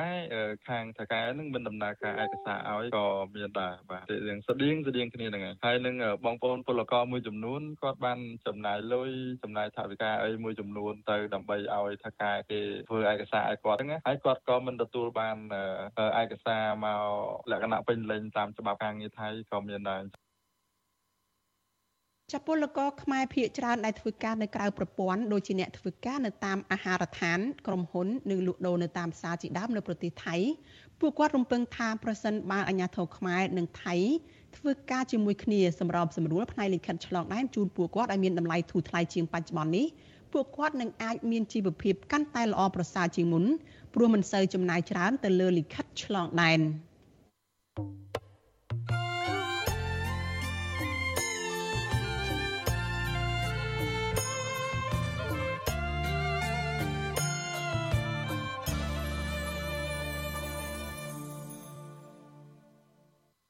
ចាលោកនាងកញ្ញាប្រិយមិត្តជាទីមេត្រីចាព័ត៌មានតកតនៅពលករខ្មែរនៅក្នុងប្រទេសថៃនេះដែរចាពលករខ្មែរធ្វើការនៅក្នុងប្រទេសនេះចាពួកគាត់សម្រេចចាប់ដៃគ្នាបង្កើតគ្រួសារអ្នកខ្លះរៀបចំពិធីមង្គលការនិងអ្នកខ្លះទៀតធ្វើពិធីសែនព្រេនចាប់ដៃគ្នាជាប្តីប្រពន្ធជាការធ្វើពិធីតូចឬក៏ធំគឺតាមអាស្រ័យទៅលើលទ្ធភាពនិងថវិកានិងស្ថានភាពជាក់ស្ដែងរបស់ពួកគាត់រៀងៗខ្លួនគូស្វាមីភរិយាថ្មីលើកឡើងថា ការរៀបចំពិធីនេះនៅក្នុងប្រទេសថៃគឺដើម្បីចូលរួមថែរក្សាប្រពៃណីខ្មែរបើទោះបីជាពួកគាត់បានទៅធ្វើការនៅឆ្ងាយស្រុកកំណើតក្តីតែមិនបំភ្លេចប្រពៃណីជាតិរបស់ខ្លួននោះឡើយចាសសូមស្ដាប់សេចក្តីរាយការណ៍របស់លោកសេកបណ្ឌិតអំពីរឿងនេះពលករខ្មែរនៅប្រទេសថៃ នៅតែរក្សាប្រពៃណីខ្មែរបើទោះបីជាពួកគាត់មានជីវភាពមិនសូវធូរធារប៉ុន្តែពួកគាត់បានពុះពៀចាយវាត្បិតត្បៀត សន្សំប្រាក់ដើម្បីរៀបពិធីមង្គលការតាមប្រពៃណីជាការផ្ដល់ដំណឹងឲ្យសាច់ញាតិបានដឹងឮពលករធ្វើការនៅក្នុងប្រទេសថៃជាង10ឆ្នាំមកហើយលោកប្រាក់លូនបានក្លាយជាកូនកំឡោះក្នុងរោងជ័យដោយមានលោកមេបាចៅមហា និងមិត្តភ័ក្តិប្រុសស្រីចូលរួមអបអរលោកប្រាក់លូនបានរៀបរាប់ទាំងក្តីរីករាយនិងអឹមអៀនផងថាបើទោះបីជាលោកមិនសូវជាមានសាច់ញាតិពីស្រុកខ្មែរ មកចូលរួមមង្គលការរបស់លោកចានកកកយ៉ាងណាក្តីតែលោករីករាយនៅពេលដែលឃើញមិត្តភ័ក្តិនិងអ្នកធ្វើការងារជាមួយគ្នាមកចូលរួមនៅក្នុងពិធីមង្គលការរបស់លោកផងអាហ្នឹងជាប្រពៃណីតាំងពីចដូនតាយើងមកហើយយើងមិនអាចចោលបានអញ្ចឹងយើងមានការងារអីក៏យើងអាចទៅពឹងពាក់ទៅវិញទៅមកបានហ្នឹងហើយពេល ជួនកាលម្ដងយើងម្ដងគេក៏គេមានកម្មវិធីក៏គេហៅយើងទៅជាភ្ញៀវកិត្តិយសពេលយើងមានកម្មវិធីវិញក៏យើងទៅជើញគេមកជាភ្ញៀវកិត្តិយសវិញដែរគូស្វាមីភរិយាថ្មោងថ្មីនេះពួកគាត់ទាំងពីរជាពលករខ្មែរមកធ្វើការងារនៅប្រទេសថៃទាំងពីរនាក់បានយល់ព្រមកាន់ដៃគ្នាចូលរោងជ័យក្រោយស្វែងយល់ចិត្តគ្នា និងប្រឹងប្រែងសន្សំប្រាក់ឈ្នួលជាច្រើនឆ្នាំ។ ពិធីមង្គលការនេះរៀបចំនៅផ្ទះពួកគេស្នាក់នៅរោងការសង់នៅខាងមុខផ្ទះចំណែកនៅខ្លោងទ្វាររោងជ័យមានតាំងរូបថតកូនកំលោះកូនក្រមុំអមដោយផ្កាគ្រប់ពណ៌លំអមិនចាញ់ពិធីមង្គលការនៅស្រុកខ្មែរប៉ុន្មានឡើយលោកប្រាក់លូនប្រាប់ថាដើម្បីរៀបចំពិធីនេះបាន លោកត្រូវការសុំការអនុញ្ញាត ពីអាជ្ញាធរមូលដ្ឋានរបស់ថៃចំណែកកូនក្រមុំ គឺកញ្ញាផាត់ស្រីពៅក៏រីករាយសប្បាយចិត្តនៅពេលកញ្ញា បានចូលរោងជ័យនៅពេលនេះកញ្ញាយល់ថាកូនខ្មែរអាចធ្វើបាន បើទោះបីទៅដល់ទីណាក៏កញ្ញាមិនចោលប្រពៃណីខ្មែរដែរអើយមានបងប្អូនច្រើនដែលជំរុញណាមួយខ្ញុំជាជនជាតិខ្មែរប្រពៃណីខ្មែរខ្ញុំអត់ត្រូវបោះបង់ចោលទេចឹងហើយខ្ញុំត្រូវតែបន្តការពារនេះទោះបីខ្ញុំនៅឆ្ងាយក៏ខ្ញុំអាចធ្វើបានចឹងធ្វើឲ្យសុបាយតែបងប្អូនខ្មែរចេះជួយគ្នាទៅដល់ណាក៏នៅតែជួយគ្នាដដែលទៅមានទឹកចិត្តល្អ ពិធីមង្គលការនេះក៏បង្ហាញឲ្យឃើញពីការចេះជួយយកអាសាពីមិត្តភ័ក្តិបងប្អូន និងសាច់ញាតិពលករនៅទីនេះផងដែរពលករទាំងនោះ អ្នកខ្លះរៀបចំតុកៅអីលាងបន្លែធ្វើម្ហូប និងជួយលាងចានឆ្នាំងជាដើម លោកស្រីកែនស៊ីណា មកធ្វើការនៅប្រទេសថៃជិត10ឆ្នាំមកហើយក៏មកចូលរួមនៅក្នុងពិធីមង្គលការនេះដែរថ្ងៃមង្គលជ័យនេះលោកស្រីមានតួនាទីសំខាន់ពីរគឺជួយធ្វើម្ដាយកូនក្រមុំ ត្បិតកូនក្រមុំកំព្រាឪពុកម្ដាយនិងជួយមើលការខុសត្រូវរៀបចំបន្លែត្រីសាច់លោកស្រីប្រាប់ថាលោកស្រីសប្បាយចិត្តជំនួសប្អូនប្អូននៅពេលឃើញក្មេងៗខិតខំរៀបចំពិធីមង្គលការបែបនេះ មានអារម្មណ៍ថាអំភើបហើយទៅទៅឃើញថាទៅបីជាយ៉ាងណាខ្មែរយើងក៏មិនអាចភ្លេចប្រពៃណីខ្មែរយើងទៅបីជាទៅដល់ទីណាក៏មិនអាចបំភ្លេចប្រពៃណីខ្មែរយើងបានអញ្ចឹងមានកម្មវិធីអីក៏ដូចថាតែយើងរាប់អានគ្នាទៅយើងដូចថាខ្មែរយើងដូចគ្នាយើងជួយគ្នាអញ្ចឹងហ៎បងហើយយើងក៏រោគ្នាមកដល់ទៅដូចថាបងឃើញកម្មវិធីយើងខ្លាចតែជួយចិត្តបន្លែអីចឹងណាក្រៅពីរួមមង្គលការនេះក៏មានគូស្វាមីភរិយាថ្មីពលករផ្សេងទៀតក៏រៀបចំពិធីសែនព្រេនចាប់ដៃគ្នា ជាប្តីប្រពន្ធ តាមគន្លងប្រពៃណីខ្មែរផងដែរសំឡេងភ្លេងការបន្លឺឡើងតិចតិចចេញពីកន្លែងស្នាក់នៅ របស់ពលករខ្មែរនៅខេត្តសមុទ្រប្រការប្រទេសថៃ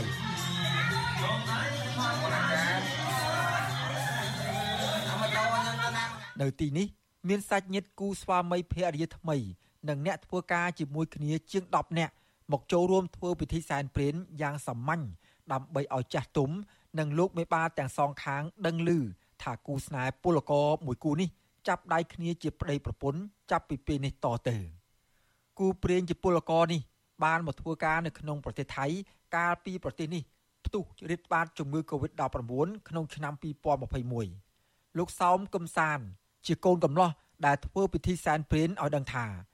ការសម្រេចចិត្តធ្វើពិធីនេះព្រោះលោកមិនអាចវិលទៅស្រុកខ្មែរ ធ្វើពិធីមង្គលការបានលោកបន្តថាទោះបីជាពិធីនេះមិនមែនជាពិធីធំដុំក្តីប៉ុន្តែលោកសប្បាយចិត្តដែលបានធ្វើវាឡើងដើម្បីឲ្យបងប្អូនសាច់ញាតិនិងភ្ញៀវដែលចូលរួមបានដឹងឮនិងអបអរសាទរគាត់គ្នាយូរហើយអញ្ចឹងហើយក៏ខ្ញុំឆ្លាញ់គ្នាហើយក៏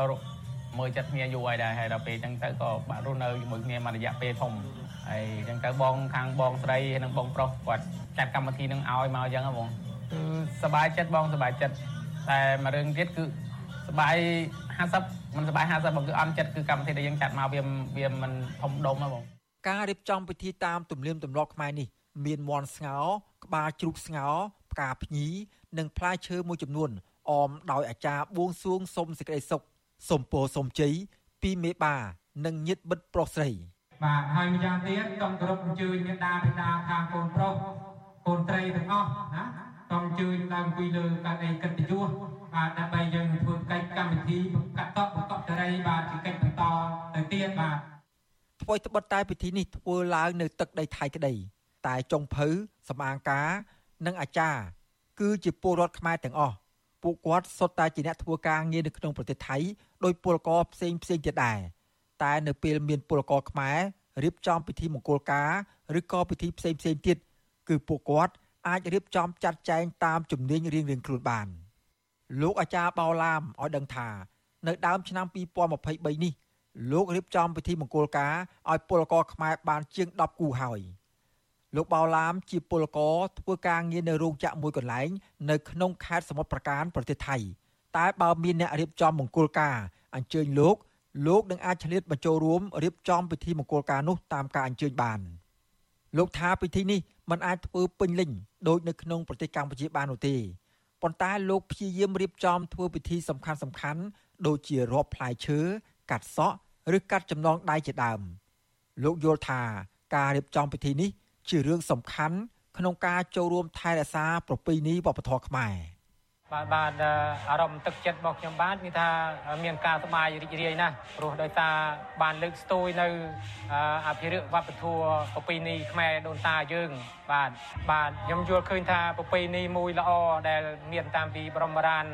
ដូនតាយើង តាមពីសម័យវិជ័យជេស្ដាមកខ្ញុំក៏ជាកុលបុត្រកុលធីតាខ្មែរបាទមួយរូបនឹងខំជុំជ្រែងជួយថែរក្សាអភិរក្សបាទរហូតតទៅទៀតបាទ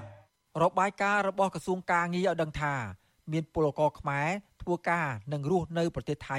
មានប្រមាណ1លាន2សែននាក់ប៉ុន្តែអង្គការសង្ត្រាល់ដែលធ្វើការងារតាក់ទងនឹងពលករចំណាក់ស្រុកឲ្យដឹងថា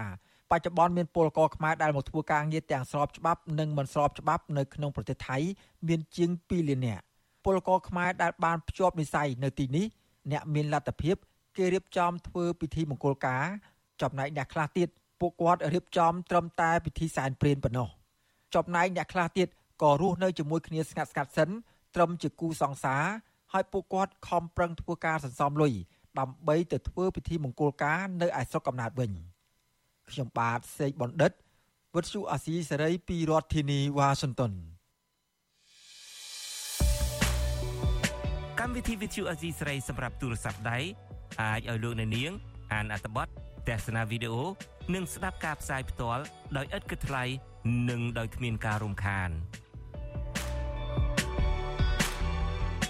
ដើម្បីអាននិងទស្សនាមេតិការថ្មីថ្មីពី Vithu Azisari លោកអ្នកនាងគ្រាន់តែចុចបាល់កម្មវិធីរបស់ Vithu Azisari ដែលបានដំឡើងរួចរាល់លើទូរស័ព្ទដៃរបស់លោកអ្នកនាង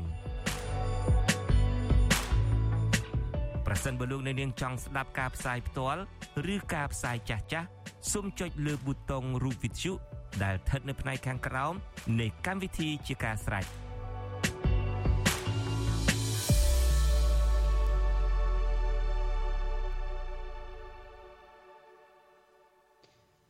ចាលោកនាងកញ្ញាជាទីមេត្រីចាប់ព័ត៌មានតកតនឹងជញ្ជីងពាណិជ្ជកម្មរវាងកម្ពុជានិងចិនឯនេះវិញ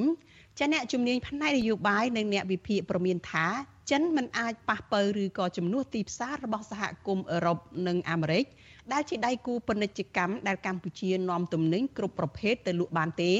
ប្រសិនបើកម្ពុជាបាត់បង់ប្រយោជន៍សេដ្ឋកិច្ចតាមរយៈសហគមន៍អឺរ៉ុប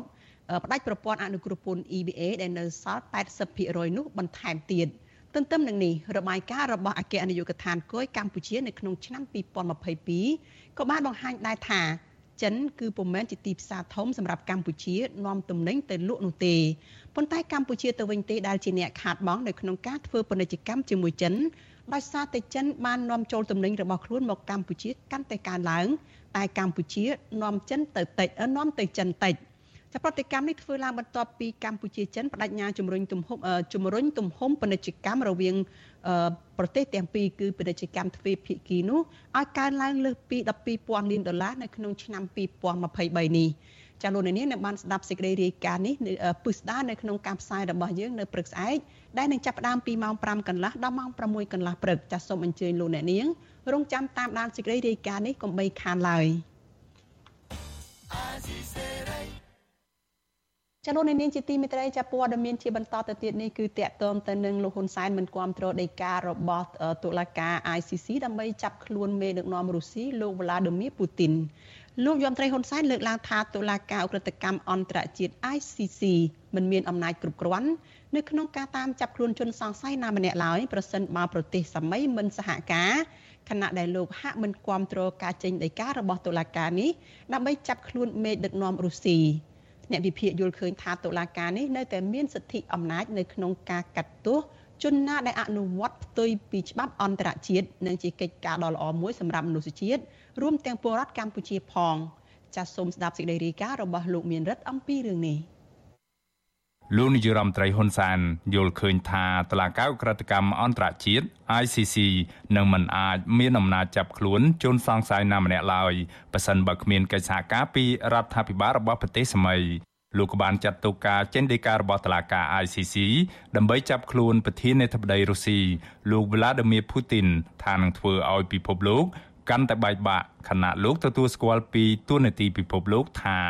នៅតែជាតួអង្គសំខាន់ត្រូវធ្វើការរួមគ្នាដើម្បីដោះស្រាយបញ្ហាសកល ដូចជាការប្រែប្រួលអាកាសធាតុនិងជំងឺឆ្លងជាសកលជាដើមលោកហ៊ុនសានលើកឡើងដូចនេះតាមរយៈសំណេរមួយដែលលោកបានបង្ហោះនៅក្នុងបណ្ដាញសង្គម Telegram របស់លោកនៅថ្ងៃទី19ខែមីនា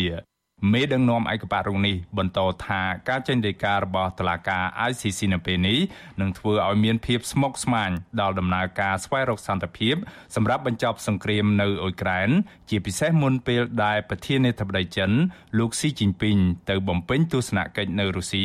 ដែលលោកថាមេដឹកនាំចិនរូបនេះអាចនឹងជួយសម្រុះសម្រួលដើម្បីស្វែងរកសន្តិភាព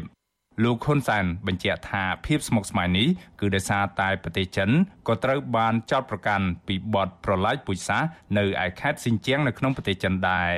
លោកលើកឡើងតាមរយៈសំណេរដើមថា ការចោទប្រកាន់របស់ ICC លើលោកប្រធានាធិបតីពូទីននេះគឺជាការវិវត្តផ្នែកនយោបាយមួយគួរឲ្យភ្ញាក់ផ្អើលដោយមានផលប៉ះពាល់ទៅលើភូមិសាស្ត្រនយោបាយយ៉ាងទូលំទូលាយនៅក្នុងទ្វីបអឺរ៉ុបនិងនៅលើពិភពលោកហើយរឿងនេះមិនមែនជារឿងឧក្រិដ្ឋកម្មសង្គ្រាមនោះទេ លោកហ៊ុនសែនបន្តទៀតថាពិភពលោកត្រូវប្រុងប្រយ័ត្នសង្គ្រាមនុយក្លេអ៊ែរដែលលោកទូទាយថាច្បាស់ណាស់សង្គ្រាមនុយក្លេអ៊ែរនឹងផ្ទុះឡើងប៉ះសិនបើមេដឹកនាំរុស្ស៊ីលោក Vladimir Putin ត្រូវបានចាប់ខ្លួននៅក្រៅទឹកដីរបស់ប្រទេសរុស្ស៊ីគណៈការចេញដីកានៅពេលនេះក៏ជាការបញ្ចេញប្រតិកម្មជ្រុលហួសពីសំណាក់ភៀកគីម្ខាងទៀតរួចទៅហើយ កាលពីថ្ងៃទី17ខែមីនាតឡាកាអ ுக ្រិតកម្មអន្តរជាតិ ICC បានចេញដីកាចាប់ខ្លួនប្រធានាធិបតីរុស្ស៊ីលោក Vladimir Putin ពីបទអ ுக ្រិតកម្មសង្គ្រាមដោយសារតែមានការចោទប្រកាន់ថាលោកជាប់ពាក់ព័ន្ធក្នុងការចាប់ពង្រត់កុមារពីអ៊ុយក្រែន នេះគឺជាលើកទី1ហើយដែលតុលាការក្រិតកម្មអន្តរជាតិ ICC បានចេញដីកាប្រឆាំងនឹងសមាជិកអចិន្ត្រៃយ៍មួយក្នុងចំណោមសមាជិកអចិន្ត្រៃយ៍ទាំង5នៃក្រុមប្រឹក្សាសន្តិសុខអង្គការសហប្រជាជាតិទោះជាយ៉ាងណាប្រទេសរុស្ស៊ីមិនមែនជាសមាជិកនៃលក្ខន្តិកៈទីក្រុងរ៉ូមស្ដីពីតុលាការក្រិតកម្មអន្តរជាតិ ICC នោះឡើយ។ ជុំវិញរឿងនេះអ្នកជំនាញផ្នែកវិទ្យាសាស្ត្រនយោបាយលោកអែមសវណ្ណារាយល់ឃើញថាការលើកឡើងរបស់លោកហ៊ុនសែនជាទស្សនៈមួយដើម្បីជំរុញឲ្យមានការចរចាឬរកមធ្យោបាយដើម្បីជជែកគ្នាឡើងវិញ រវាងរុស្ស៊ីនិងអ៊ុយក្រែនឈានទៅបញ្ចប់សង្គ្រាមដែលបានអូសបន្លាយអស់រយៈពេលជាង1ឆ្នាំមកនេះ ក៏ប៉ុន្តែលោកបន្តថាតឡាការក្រិតកម្មអន្តរជាតិ ICC នៅតែដើរតួនាទីជាបទដ្ឋានអន្តរជាតិដើម្បីដាក់ទោសជនទាំងឡាយណាដែលប្រព្រឹត្តខុសគោលការណ៍ច្បាប់ប្រឆាំងនឹងមនុស្សជាតិឬការប្រឡាយពូជសាសន៍និងជាវិធានការមួយ ដែលនៅតែមានការទទួលស្គាល់ពីអន្តរជាតិហើយបណ្ដាប្រទេសជាសមាជិកអង្គការសហប្រជាជាតិរួមទាំងកម្ពុជាផងត្រូវតែគោរព វាជាយន្តការមួយបញ្ញាក់ស្មារតីគ្រប់អ្នកដឹកនាំទាំងអស់រួមទាំងកម្ពុជានឹងឲ្យប្រយ័ត្នឬក៏អនុវត្តទៅតាមគោលការណ៍ច្បាប់កុំឲ្យអាងទៅលើគោលការណ៍អំណាចរបស់ខ្លួនណានេះជាកិច្ចការមួយល្អសម្រាប់មនុស្សជាតិដែលក៏លោករួមទាំងពលរដ្ឋកម្ពុជាផងដែរបាទតឡាការព្រហ្មទណ្ឌអន្តរជាតិ ICC មានប្រទេសចំនួន123ជារដ្ឋភាគីនៃលក្ខន្តិកៈទីក្រុងរ៉ូមបង្កើតតឡាការព្រហ្មទណ្ឌអន្តរជាតិនេះ កម្ពុជាបានចុះហត្ថលេខាលើលក្ខន្តិកៈទីក្រុងរ៉ូមនៅថ្ងៃទី23ខែតុលាឆ្នាំ2000និងបានដាក់តម្កល់ឯកសារស្តីពីការផ្ដល់សច្ចាប័នលើលក្ខន្តិកៈទីក្រុងរ៉ូមនេះនៅថ្ងៃទី11ខែមេសាឆ្នាំ2002តឡាការព្រហ្មទណ្ឌអន្តរជាតិជាតឡាការអចិន្ត្រៃយ៍អន្តរជាតិដែលមានសមត្ថកិច្ចស៊ើបអង្កេតនិងផ្ដន់ទាទោសអ្នកទាំងឡាយណាដែលជាប់ចោទពីបទប្រព្រឹត្តឧក្រិដ្ឋកម្មធ្ងន់ធ្ងររួមមានឧក្រិដ្ឋកម្មប្រឆាំងមនុស្សជាតិជាដើម កន្លងមកកាលពីឆ្នាំ2014ក្រុមអ្នកច្បាប់អន្តរជាតិបានដាក់បណ្ដឹងប្រឆាំងទៅនឹងលោកហ៊ុនសែននិងរដ្ឋាភិបាលរបស់លោកទៅតុលាការក្រិតកម្មអន្តរជាតិ ICC នេះពីបទឧក្រិដ្ឋកម្មប្រឆាំងមនុស្សជាតិពាក់ព័ន្ធនឹងការរំលោភបំពានដីធ្លី និងសិទ្ធិមនុស្សផ្សេងៗនៅកម្ពុជា ក្រោយពីមានការប្រមូលភស្តុតាងអស់ជាច្រើនឆ្នាំរួមទាំងការប្រមានដាក់បណ្ដឹងបន្ថែមទៀតពាក់ព័ន្ធទៅនឹងការគំរាមកំហែងរបស់លោកហ៊ុនសែនជាបន្តបន្ទាប់ក្នុងការបញ្ជាឲ្យកងកម្លាំងសមត្ថកិច្ចបាញ់សម្លាប់ជនស៊ីវិលដែលគ្រប់គ្រងគណៈបពប្រឆាំងរួមទាំងការធ្វើទុកបុកម្នេញលើអ្នកនយោបាយក្រមសង្គមស៊ីវិលនិងអ្នកសារព័ត៌មានជាដើមក៏ប៉ុន្តែកិត្តិហមទល់ពេលនេះនៅមិនទាន់មានចំណាត់ការជាក់លាក់ណាមួយទៅលើបណ្ដឹងទាំងនេះនៅឡើយទេ កន្លងមកគណៈបពប្រឆាំងនិងក្រុមអ្នកខ្លាំមើលលើកឡើងថាដោយសារតែលោកហ៊ុនសែនគឺជាមេខ្លោងនៃអំពើក្រិតកម្មជាច្រើននៅកម្ពុជាទើបបានជាលោកព្យាយាមប្រើគ្រប់មធ្យោបាយដើម្បីក្រាញអំណាចនិងរៀបចំផែនការផ្ទេរអំណាចបន្តវេនឲ្យកូនប្រុសច្បងរបស់លោកគឺលោកហ៊ុនម៉ាណែតដើម្បីជួយធានានីតិរដ្ឋភាពឬការប្រឈមមុខនឹងតុលាការឯករាជ្យណាមួយ ដែលអាចកាត់ទោសលោកពីបទឧក្រិដ្ឋជាច្រើន នៅពេលដែលលោកលែងកាន់អំណាច ខ្ញុំបានមេរិត Visual C ស្រី ពីរដ្ឋធានី Washington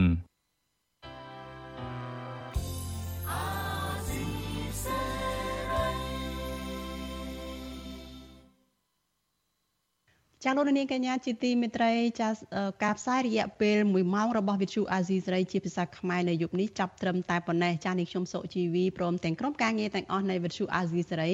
ចាសូមអរគុណលោកអ្នកនាងចាដែលតែងតែមានភក្ដីភាពចំពោះការផ្សាយរបស់យើងហើយតែងតែស្ដាប់ការផ្សាយរបស់វិទ្យុអាស៊ីសេរីជារៀងរាល់ថ្ងៃ